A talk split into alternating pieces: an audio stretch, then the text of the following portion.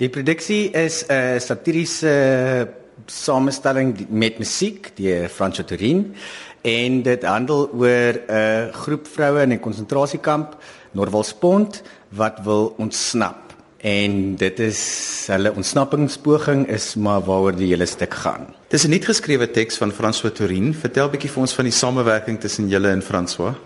Wel François is 'n baie kreatiewe persoon. Ehm um, ek ken hom al 'n rukkie. Ehm um, so met François te werk, hy sy skryfstyl is verskriklik toeganklik. So alles wat hy neergeskryf het, werk.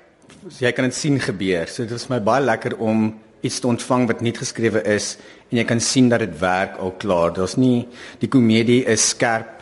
Ehm um, dit jy kan jy kan dit sien gebeur op die verhoog sonder om regtig te vroeg met die teks. Ehm um, die teks is want dit is dis 'n satire met musiek. Die die die komedie is wat dit ontsluit en dit is wat dit eintlik lekker maak en dit is baie lekker om François se werk mee om te gaan. 'n tema soos die konsentrasiekampe is baie ernstig. So om 'n satire daarvan te maak, dit is nogal iets wat by my vrae laat ontstaan het. Ja. Ek dink dit is 'n uh, eh, dit is 'n deel dit ek dink dit speel 'n baie belangrike rol. sien net ook nou dat dit is die naam is nou verander na die Suid-Afrikaanse oorlog. Ehm um, satire is 'n manier en komedie is 'n manier om ehm um, van van goedes te laat gaan. Ehm um, ons was in elk geval nie in die konsentrasiekamp nie. So ons het nie regtig 'n verwysingsraamwerk van hoe dit was nie, Chris konsentrasiekamp nie. So ek dink dit is waarin wat wat dit belangrik maak is ons kan nie eienaarskap neem van die konsentrasiekamp omdat ons nie daar was nie. Ons weet nie regtig hoe dit daar was nie. Maar die teks sit Afrikaanse mense in 'n situasie wat hulle nog steeds mense is en dat ons nog steeds vir mens wees kan lag selfs al is hulle situasie benard dink daar is in ek dink dis Mark Twain wat gesê het in every comedy there's tragedy and in every tragedy there's comedy. So uh, dis vir my daai uh, dualisme tussen komedie en tragedie. Iets is nie net altyd geïsoleerd te tragies nie. Dit daar is dit is in verhouding met sy teenpool. As 'n mens na die plakkaat kyk, dan sien 'n mens hensop, hensoep het so 'n dubbel betekenis. Ja.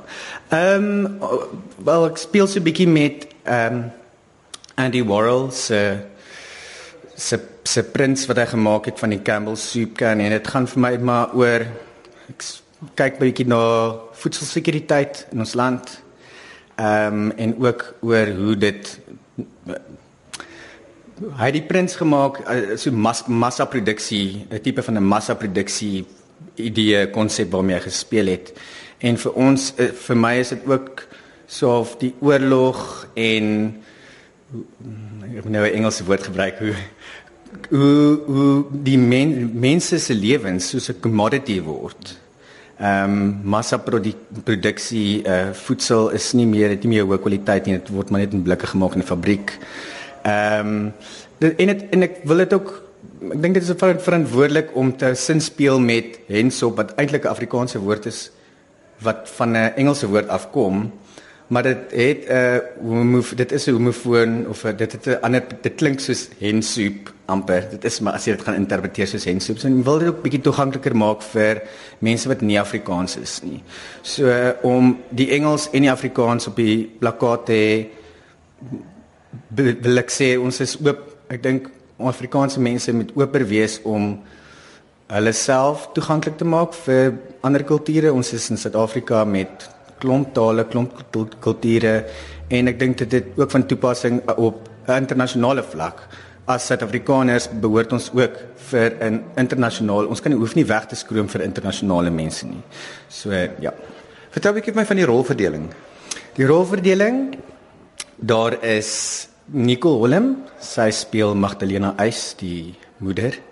Haar moeder word gespeel, die ouma is word vertolk deur Kyle Sekona Die dogter van Magdalena is getrouda getroudaatjie Eis, dis Carliane. En dan is, is daar 'n bywoner, eh uh, Susanna die bywoner wat gespeel word deur Liana Dreyer. En dan is daar Officer Thompson wat deur Andre ter Blanche gespeel word en dan ons musikant is Grete van der Merwe. Uh my naam is Grete van der Merwe en ek het um, van die musiek geskryf. Ehm um, nie al die musiek is oorspronklik nie. Ons het baie van dit geskoei op ou FHK nommers. So selfs van die nuwe goed het ook al tematiek in van ou uh eh, treffers. So ehm um, natuurlik baie terugflits na na van die die verlede tot die hede en ons probeer terselfdertyd ook System of a Down se tipe goed inwerk en Queen. So uh, ja, ehm um, baie parodie. Met ander woorde, ehm um, nie net oorspronklike musiek nie. Vertel 'n bietjie vir ons die styl van die musiek. Hoe word dit gedoen vir alles wat FK liedjies is? Ja, dit is interessant. Ons 'n bietjie iets van als um, op die oomblik ons werk net met klavier, so jy kan maar van 'n sekere ritme af nie wegkom nie. Maar ehm um, ons trek om deur van jou ouer definitief klassieker uh FK styl. Ehm um, soos ek gesê het tot 'n bietjie ehm um, meer jou metal uh aanslag. Dit is nogal interessant as jy praat van metal konsentrasiekamp. Ons het maar al probeer dinge raak wil daar in die konsentrasiekamp. Hallo, my naam is Liana Dreyer en ek speel Susanna in Hensop. Hallo, ek is Karl Sukana en ek speel die ouma in Hensop. Dit is baie interessant as 'n man vir ons sê hy speel die ouma. ja, wel um, in 'n in 'n kabaret produksie soos hierdie mag mense en mense kan 'n uh, ouma speel, so dit dit dit maak dit bietjie meer interessant en dit gee 'n bietjie 'n ander kleur. So um, ek dink dit is iets goeds vir hierdie produksie, hopelik.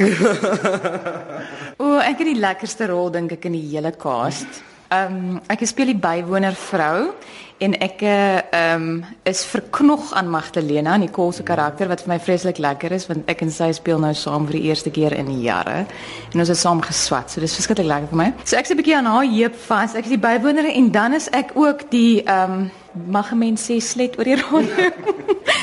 ek is daai enetjie wat ingestuur word na die ja. kakies toe om die dinge te bewerkstellig. En ja, dis 'n lieflike rol. Sy is nie baie intelligent nie. Sy's vreeslik naïef. Ehm um, maar daar's baie waarheid en deernis aan haar en ek geniet elke oomblik. Dis van haar karakters wat jy kan um, ek dink enige iets wat jy doen werk. Van François Hy het net al die karakters praat met elke een van ons. Ek praat net vir myself, Kyle, maar dit praat, dit spreek tot my en hy het natuurlik baie van omdat hy my goed ken, het hy ook baie van my persoonlike ou eksentrisiteite ingewerk in die rol in. So ja, dis heerlik. Die ouma se baie interessante rol.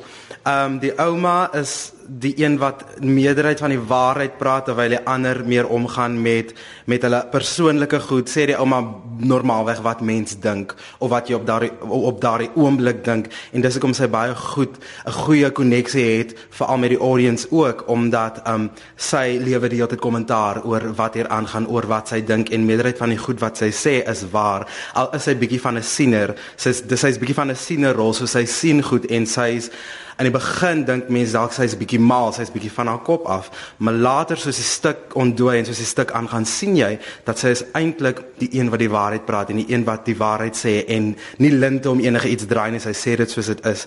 En dit is 'n baie lekker karakter om te speel. Um, ek geniet verskriklik baie. Dis 'n dit is 'n Uh dis soms baie moeilik vir my, maar um ons ons kry die regte regie en ons is op die regte oomblikke daar so. Ons is reg vir die ding en ek is ja, ek is baie tevrede met my rol. Wanneer mense die woord konsentrasiekamp hoor, kom satire nou nogal nie dadelik vir die eerste in jou kop in nie. Glad nie, weet jy, 'n paar jaar gelede ek het in Nysna gebly en gewerk en ek het vir François lift gegee Johan, uh, George toe. Want hy het een of ander toneelspel kompetisie beoordeel en hy het met my begin praat oor hierdie idee wat hy het oor 'n satire binne die konteks van ehm um, bietjie slapstick, bietjie uh, uh en en ek het vir hom gesê François moet baie versigtig wees want daar's baie heilige koeie en ons moet pas op dat ons nie te wil daarmee omgaan nie want baie mense het 'n um, intuïtiewe en instinkmatige uh, uh, weerwil amper nog as gevolg van die konsentrasiekampe. En dit is baie diep maar om teater skop baie maklik daai tipe van goed oop en dan veroorsaak dit kontroversie en wil jy regtig so iets met die stuk bereik. En weet jy wat? Ek is mos nou die groot ou een wat die goedjies gekwyt geraak het. En ek is die een wat ek dink possibly die meeste die teks geniet.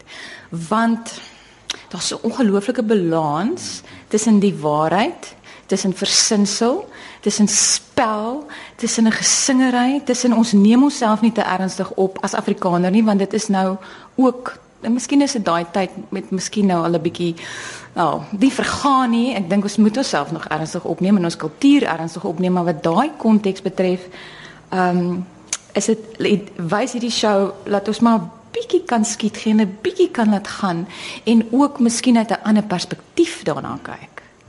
Dis my gevoel. Dis 'n clever teks. Ehm um, En ek dink soos Wolfie die die regie is glad nie hy hy half ons heeltemal uit tyd tyd so ons werk met temas wat vandag ook nog relevant is en jy sal sien in die design van die set ek wil dit nou nie weggee nie ek dink is absoluut stunning en ons kostuums daai tipe van ding spreek tot die die groter universele temas in die in die in die stuk en dis belangrik en ek dink daai stories moet vertel word. En is ook mense se stories wat vertel word. Redelik stereotypes soos tipies met kabaret. Ehm um, maar ongelooflike pret. En wat lekker is, ons daar's drie jongelinge, dis Kyle en Andrei en Carly wat fantasties is. Hulle is in hulle 20s en dan is dit ek en Nicole wat nou al ou hands is. En dit is so lekker, ek dink vibrant, daai kombinasie tussen die jong spelers en die ouer spelers en dit wat ons dan vir mekaar gee op die verhoog. So ek die proses is ongelooflik.